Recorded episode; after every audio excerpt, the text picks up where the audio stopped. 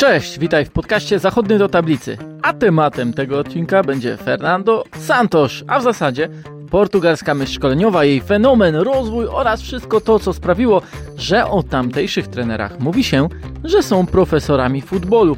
Będzie sporo teorii, ale też łączenia kropek, by pokazać Wam, że również Santos jest częścią tego, co zapoczątkowali Manuel Sergio i Victor Frade. Kim są? No to też oczywiście Wam wyjaśnię. Mój podcast znajdziesz na platformach Spotify, Google Podcasts i Podbean. Zachęcam do subskrypcji, zostawiania komentarzy, polubień i ocen. Jest to dobry moment, bo Santosz właśnie pojawił się w Polsce, ma już pierwsze plany obserwacji ekstraklasy, pewnie szykuje się też od strony organizacyjnej e, podmarcowe zgrupowanie. Na razie jednak odpuszczę kwestię tego, co może zrobić z naszą kadrą, bo chciałem nagrać odcinek nie tylko o nim, a o całej portugalskiej myśli szkoleniowej. Trzeba wiedzieć, że tamtejsze media wyliczały jakiś czas temu, że 200 trenerów prowadziło lub było w sztabach szkoleniowych różnych profesjonalnych pierwszoligowych klubów na całym świecie, a portugalscy trenerzy zdobyli około 30 tytułów mistrzowskich w różnych krajach. Jest to, no, przyznacie, całkiem niezły wynik, ale on z czegoś wynika. I w zasadzie można wskazać dwie daty, które miały wpływ na to, a jedna z nich miała i ma ścisły związek z Fernando Santosem właśnie. W 1980 roku na Wydziale Wychowania Fizycznego Uniwersytetu Lizbońskiego pewien naukowiec został poproszony o to, by stworzyć program treningowy dla krajowych trenerów piłki nożnej. Powody były dosyć oczywiste, bo brakowało Portugalczykom i profesjonalizmu, i wiedzy, a kluby wybierały w takich okolicznościach e, zagranicznych szkoleniowców. Wystarczy przypomnieć, Porto w tamtym okresie prowadził Austriak Hermann Stessel. Wcześniej pracowali tam trenerzy z zachodniej i wschodniej Europy, z Ameryki Południowej. No a mniejsza o to, bo nie inaczej było w Sportingu, gdzie w latach 80. pracowali Anglicy, Walijczyk, Jugosłowianin czy Czechosłowak, by dokończyć wyliczankę, no to jeszcze o Benfice, bo pomiędzy 1980 a 87 rokiem było tam pięciu różnych obcokrajowców i żadnego Portugalczyka. Tym profesorem, który wziął się za naukowe podejście do szkolenia trenerów w 1980 roku był, uwaga, Carlos Queiroz, którego musicie kojarzyć z późniejszej już szkoleniowej pracy w Manchesterze United Sir Alexa Fergusona oraz oczywiście w reprezentacji Iranu, a dzięki jego zmianom federacja mogła także poprzez swoich trenerów poprosić o zaprojektowanie innego, bardziej nowoczesnego, systemowego podejścia do szkolenia młodzieży. Co istotne, związki portugalskiej federacji z uniwersytetami w Lizbonie oraz Porto do dziś są bardzo mocne i o tym też będzie ten odcinek podcastu. Wystarczy zresztą zajrzeć do portugalskiej szkoły futbolu, którą federacja otworzyła w 2017 roku, by to zrozumieć. Jej głównym celem są uwaga, badania nad piłką nożną od właściwie każdej możliwej strony. Można tam znaleźć już 130 opublikowanych prac stworzonych w ciągu tych pięciu lat funkcjonowania szkoły. Tematyka jest bardzo różna od wpływu spania młodzieżowych reprezentantów krajów w podwójnych pokojach na zgrupowaniach na ich dyspozycję i atmosferę w kadrze, aż po analizę kluczowych aspektów karier największych gwiazd portugalskiego futbolu. Ich baza to więc nie tylko boiska, mały stadion czy pomieszczenia konferencyjne, ale przede wszystkim wiedza przeanalizowana, przedyskutowana, spisana w formie naukowej. Dzięki temu oni wiedzą, jak dokładnie działać, podchodząc bardzo metodycznie i analitycznie do każdego zagadnienia. Nic dziwnego więc, że o piłkarskim obliczu Portugalczyków mówi się, że jest pragmatyczne, w przeciwieństwie e, może do odbioru społecznego, ale tego nie będę poruszał. Zresztą przypomnijcie sobie, co mówił Fernando Santos na pierwszej konferencji w Polsce. Bez fundamentów każdy budynek się zawali, a dla nich fundamentem jest wiedza. W każdym razie dodam, że szefem portugalskiej szkoły futbolu jest André Seabra, czyli także naukowiec, profesor Wydziału Sportu oraz Futbolu na Uniwersytecie w Porto. A skoro o tym uniwersytecie mowa, to Fernando Santos wskazywał na drugą datę, którą chcę wyróżnić. Rok 2001 jako moment, w którym wszystko zaczęło się zmieniać.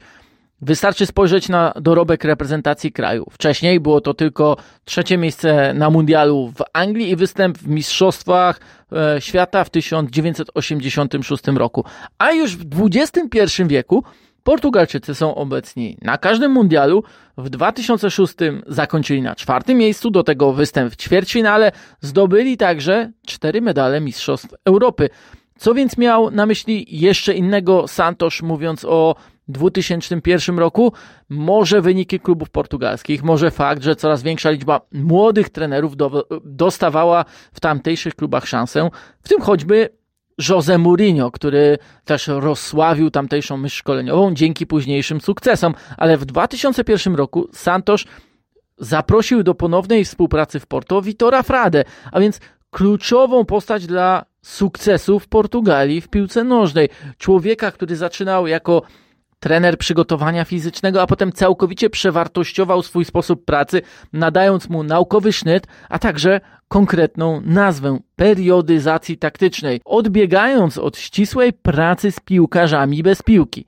Frade to praktyk i naukowiec. Pracował z Bobim Robsonem, w Porto zresztą poznał go Jose Mourinho, on sam zresztą opowiadał, że zbierając różne informacje z wielu dziedzin pozasportowych, czytając książki, zawsze stara się zastanowić, jak po, tak pozyskaną wiedzę może zaadaptować do futbolu, bo futbol to mnóstwo różnych składowych, które wpływają na wynik spotkania i w filozofii oraz metodologii stworzonej przez Fradę.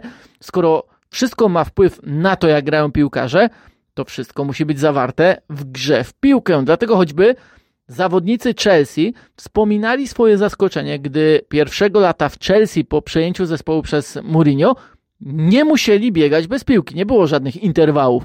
Robili wszystko w ramach konkretnych ćwiczeń z piłką, zaadaptowanych pod model gry Portugalczyka. O efektach oczywiście nie muszę Wam przypominać. Byli piłkarze, m.in. John Terry, Frank Lampard, byli nawet nie tyle zszokowani, ile zaniepokojeni, że będzie im brakowało mocy w ciągu długiego sezonu, ale Mourinho odpowiadał im, że przecież pianista nie przygotowuje się do koncertu robiąc pompki czy przysiady, nie biega też wokół pianina, tylko na nim gra. Brzmi to oczywiście banalnie, nawet za banalnie jak na filozofię piłkarską, która miała odmienić i odmieniła metodologię treningową nie tylko w Portugalii, ale skutecznie i to w kolejnych dekadach. Natomiast co istotne, sami eksperci od periodyzacji taktycznej unikają przedstawiania zwartych jej definicji. Carlos Carvalhal e, w wywiadzie dla Sky Sports też tego kiedyś unikał, mówiąc o tym, że kształcąc się z niej na uniwersytecie studiował genetykę, teorię złożoności, że poznanie tajników periodyzacji taktycznej zajęło mu kilka lat. Carvalhal e, obecnie pracuje w Celcie Vigo, ale będąc w Anglii opowiadał, że chodzi o rozumienie aspektów fizycznych, technicznych, psychologicznych e, i także to, że wszystko kontroluje element taktyczny. Portugalscy szkoleniowcy patrzą na zespoły przez pryzmat poszczególnych zawodników, na tej wiedzy bazując decyzję o systemie, idei gry i pod to od pierwszego dnia przygotowują w określonych formach metodę pracy, czyli gry, ćwiczenia z piłką. Wszystko w ściśle określonej intensywności i to intensywności określanej pod każdy dzień mikrocyklu, czyli tygodnia pracy. Portugalczycy są bardzo czuli na punkcie definiowania periodyzacji taktycznej, co wyraża się choćby zachowaniem samego Vitora Frade. Miał on jedno długie wystąpienie na konferencji szkoleniowej, gdy mówił wyłącznie o tym, czym periodyzacja taktyczna nie jest i z czym często jest mylona. W internecie można też znaleźć pracę naukową z jego udziałem, która, choć w języku portugalskim, tłumaczy najczęściej popełniane błędy w jej rozumieniu i w rozumieniu tym, czym periodyzacja taktyczna jest. O tym zresztą powstało wiele książek autorstwa uczniów Frade, w tym wspomnianego Carvalhala, e, a do tego są organizowane specjalne kursy, które otwierają tajniki periodyzacji na międzynarodowe grono. Sam z 9-10 lat temu miałem okazję być na konferencji dotyczącej periodyzacji taktycznej, którą zorganizowano w Warszawie. Prowadził ją portugalski szkoleniowiec. Nie jestem w stanie sobie teraz przypomnieć jego nazwiska. Liczyłem jednak, że poznam tam bardziej konkretne rozwiązania taktyczne i pamiętam, że mocno się wtedy zawiodłem. Nie byłem jeszcze trenerem, raczej byłem ciekaw portugalskiego sposobu patrzenia na futbol, ale zaprezentowane podejście było mocno metodyczne i naukowe. Pamiętam pokazywanie konkretnych doborów obciążeń w kolejnych dniach mikrocyklu treningowego, dzielenie e, jeszcze tego wszystkiego na morfocykle, mezocykle. Niewiele było tam o systemach czy konkretnych rozwiązaniach poza modelowaniem środków treningowych. Był to to no, dość ciężki materiał. Może teraz udałoby mi się zrozumieć z tego więcej i Wam lepiej to przekazać. A skoro nie, no to wróćmy do związków Fernando Santosza z Vitorem Frade. Obaj pracowali ze sobą w Porto, to już ustaliliśmy. Zresztą ten drugi, otrzymując w 2001 nieco inną, bardziej nadzorczą nad Akademią Porto i młodszymi trenerami e, rolę, pomagał kształtować również właśnie wyobrażenie o futbolu Santosza. Dzięki temu e, Frade wychował również całe grono trenerów wedle swojej metodologii. Wśród nich był ówczesny szkoleniowiec drugiego zespołu mm, Porto, czyli Ildio Valle, który później pracował w sztabach oczywiście Fernando Santosza. Z kolei w reprezentacji Polski będzie współpracował z nim João Costa, którego niektórzy określali mianem trenera przygotowania fizycznego, bo widziałem takie nagłówki polskich portali, co jest dużym błędem zwłaszcza gdy sprawdzi się jego pracę naukową na Wydziale Futbolu Uniwersytetu Porto. Jej tytuł brzmi Inteligencja ogólna i wiedza specjalna u młodych piłkarzy reprezentacji narodowych Portugalii. Temat odbiega od e, przygotowania fizycznego. Można tam jednak znaleźć ciekawe wnioski w porównaniu zawodników z różnego poziomu i różnych e, kategorii wiekowych. Otóż E, według e, tych badań ci, którzy grają wyżej, lepiej wypadali pod względem wiedzy praktycznie, praktycznej, ale nie byli wcale zbyt bystrzy. Swoją pracę João Costa bronił u Julio Garganty, który przewodniczył temu wydziałowi e, futbolu przez 23 lata, który jest jednym z wykładowców kursu High Performance Football Coaching organizowanego tym razem przy Uniwersytecie Lizbońskim. Ten kurs ukończył m.in. Ruben Amorim, wykłady tam prowadził Jose Mourinho, a także, co ciekawe, Antonio Jose Gomez, e, który był w sztabie reprezentacji Polski prowadzonej przez Paulo Souzę. Nawiasem mówiąc, to Souza też miał bardzo naukowe zacięcie. Nawet jeśli to dosyć niepopularna opinia. Jednak warto przypomnieć, że Souza pracując w UEFA po zakończeniu kariery, podróżując od kraju do kraju, poznając różne projekty szkoleniowe w Europie, samemu studiując grę oraz prowadząc wykłady, przyznawał, że rozwinął się najbardziej. Szukał inspiracji nie tylko w futbolu, samemu wskazując na ogromną rolę właśnie takich nauk e, ścisłych. Zresztą Jedną z inspiracji miał być profesor neurologii behawioralnej Antonio Damasio i ta postać jest wspomniana nie tylko przez Souzę, ale również innych szkoleniowców. E, jeśli chodzi o e, Damasio, to przygotowując ten odcinek podcastu, natrafiłem na wiele wypowiedzi różnych autorów, różnych portugalskich trenerów, które mają identyczny wydźwięk czyli po prostu są takie, jakby zostały wyuczone z tej samej książki lub wdrożone, czy też wtłoczone do e, tych głów przez tego samego profesora. Przypomnijcie sobie konferencję Santosza i pytanie o ustawienie docelowe reprezentacji Polski. Wówczas Portugalczyk uśmiechnął się i odpowiedział, że dla niego te wszystkie liczby nie mają takiego znaczenia, co uznano za przejaw ironicznego odbicia piłeczki w kontekście mało istotnej debaty naszego środowiska. Tymczasem Portugalczycy naprawdę tak do tematu system, systemów podchodzą. Rui Faria mówił w niedawnym wywiadzie, że liczby nie kontrolują piłkarzy na boisku, że dają tylko kontekst do rozumienia i odbioru meczu piłkarskiego, bo zawodnicy mają swoje emocje, swoją świadomość, która najbardziej wpływa na ich dyspozycję dnia, a już ta jest kształtowana poprzez trening. Trening jaki? No, trening stworzony w obrębie periodyzacji taktycznej. Z kolei Santos opowiadał w El País, że patrząc na reprezentację Portugalii, nie można myśleć, że skoro ma on trzech piłkarzy z Manchesteru City, to zaraz zacznie grać jak drużyna Guardioli, że skopiuje ich system. Nie. E, Santos mówił, że obejmuje wzrokiem wszystkie umiejętności każdego z osobna i na tej podstawie decyduje. W Euro 2016 było to ustawienie z czterema pomocnikami w rąbie. Jeszcze inaczej zespół ustawiał w ostatnim mundialu. Miałem okazję parokrotnie przyglądać się na żywo jego drużynom, zwłaszcza wtedy we Francji. I mam wspomnienie zespołu bardzo odpowiednio zarządzanego, zorganizowanego, ale też elastycznego. A on już w 2012 roku na konferencji selekcjonerów przed Euro w Polsce i na Ukrainie mówił, że turnieje międzynarodowe będą zdominowane przez zespoły o kolektywnej jakości, że to ten aspekt pozwalający rozwinąć jakość indywidualną będzie ważniejszy od choćby fizyczności, która będzie u wszystkich na podobnym e, poziomie. Wskazywał jeszcze w innych rozmowach, że ten, kto myśli na boisku szybciej, jest po prostu lepszy, że najważniejsza staje się sztuka antycypacji działań.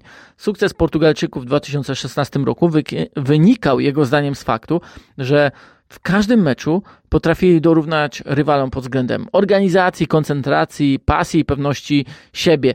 E, I tylko dzięki temu piłkarze mogli rozwinąć własną jakość. Santosz jest też zwolennikiem dużej elastyczności, co choćby wskazywał narzekaniem na lekceważenie i pomniejszanie znaczenia ataku szybkiego. To też zdarzało się parokrotnie, gdy wskazywano, że jego reprezentacja Portugalii raczej broni nisko i zagraża rywalom właśnie e, pojedynczymi wypadami. A przecież e, tłumaczył Santos, że chęć dominacji posiadania piłki nie może eliminować przyspieszenia czy szybkości z gry w piłkę nożną. Wskazywał także, że pewnym błędem jest to, że zespoły odzyskując piłkę, robią to po to, by się na nowo zorganizować, a nie wykorzystać to jako broń. E, to, czyli brak organizacji po drugiej stronie boiska. Wrócę do tej kwestii numerków, liczb w kontekście systemów, którą poruszył Santos. To efekt nauk innego wpływowego profesora z Portugalii, Manuela Sergio, który podobnie jak Frade zaczął wprowadzać zmiany w naukowym podejściu do sportu w latach 80. ubiegłego wieku. Sergio swoją pracę zaczął na Uniwersytecie Lizbońskim, jest jednym z mentorów Mourinho i on również inspirował się pracą wspomnianego już wcześniej Antonio Damasio nad świadomością i podświadomością. To są zresztą rzeczy, o których często mówił Paulo Souza. Sergio z kolei mawiał, że wszyscy trenerzy wiedzą mniej więcej to samo o taktyce, ale to podejściem do zawodników osiąga się największą różnicę. Tłumaczył, że kreując ćwiczenia strzałów, podań, podskoków, trzeba jednocześnie tworzyć środki treningowe wpływające na kreatywność, intensywność, aspekty bardziej ludzkie, a to również wyraz kompleksowego podejścia, sposobu myślenia Portugalczyków o futbolu. Frade mówił e, z kolei, że futbol to nie matematyka, w której dwa dodane do dwóch zawsze da ten sam wynik, bo futbol to nie proces linearny, ale wielowymiarowy. To, co robi trener w jednym miejscu, ma efekt na drugiej stronie zespołu czy boiska. I według Frade, futbol jest jak kostka Rubika i tak trzeba go postrzegać. Gdyby próbować połączyć wpływ tych dwóch naukowców na tamtejszy futbol i myśl szkoleniową, to można by wskazać, że Sergio odpowiadał za przeniesienie do piłki wniosków i nauk z różnych innych badań oraz dziedzin, natomiast Frade stworzył na bazie tego podejścia całą metodologię treningową, a więc to się wszystko e, bardzo ładnie nam uzupełnia. To kompleksowe spojrzenie jest, wydaje mi się, kluczowe, by również z naszej polskiej perspektywy inaczej odbierać słowa Santosza, ale też jego działania, a może i w ogóle piłkę nożną. Często mamy nawyki bagatelizowania jednego lub drugiego obszaru albo nadawania znaczenia czemuś jeszcze innemu, czego sam jestem świadom, co zdarza się także mi w kontekście taktyki czy statystyk. Nie chodzi też o ogólne spojrzenie, spłycenie lub rozmycie tematu futbolu, ale odbieranie gry i działań prowadzących do tego, co widzimy na boisku, jako zbioru wielu czynników i też analizowania, umiejętności analizowania ich, Podoba mi się stwierdzenie jednego z portugalskich trenerów, które znalazłem w przygotowaniach do tego odcinka. E, Jose Gomez, który prowadzi obecnie Maritimo, powiedział, że najistotniejsze jest nie to, co wiesz o futbolu, bo ta wiedza w każdym kraju jest na podobnym poziomie, ale jak myślisz o piłce nożnej? Czy w bardzo zdefiniowany sposób, czy kompleksowy, niemal naukowy, nie zamykając się na żadne rozwiązanie czy aspekt tworzący całość. On sam odrzucał zarzut, że portugalska szkoła poprzez przyjęcie i akceptację pragmatyzmu jest też bardziej defensywna. Nie, ona jest pragmatyczna, bo ma dawać efekty. Zaczynałem od e, tego przytoczenia liczb, które mówiły o pracy portugalskich szkoleniowców na całym świecie. E, José Gomez e, zauważał również, że właśnie dzięki swojemu kompleksowemu podejściu tak doskonale Portugalczycy potrafią się zaadaptować. A czego przecież potrzeba do dobrej adaptacji?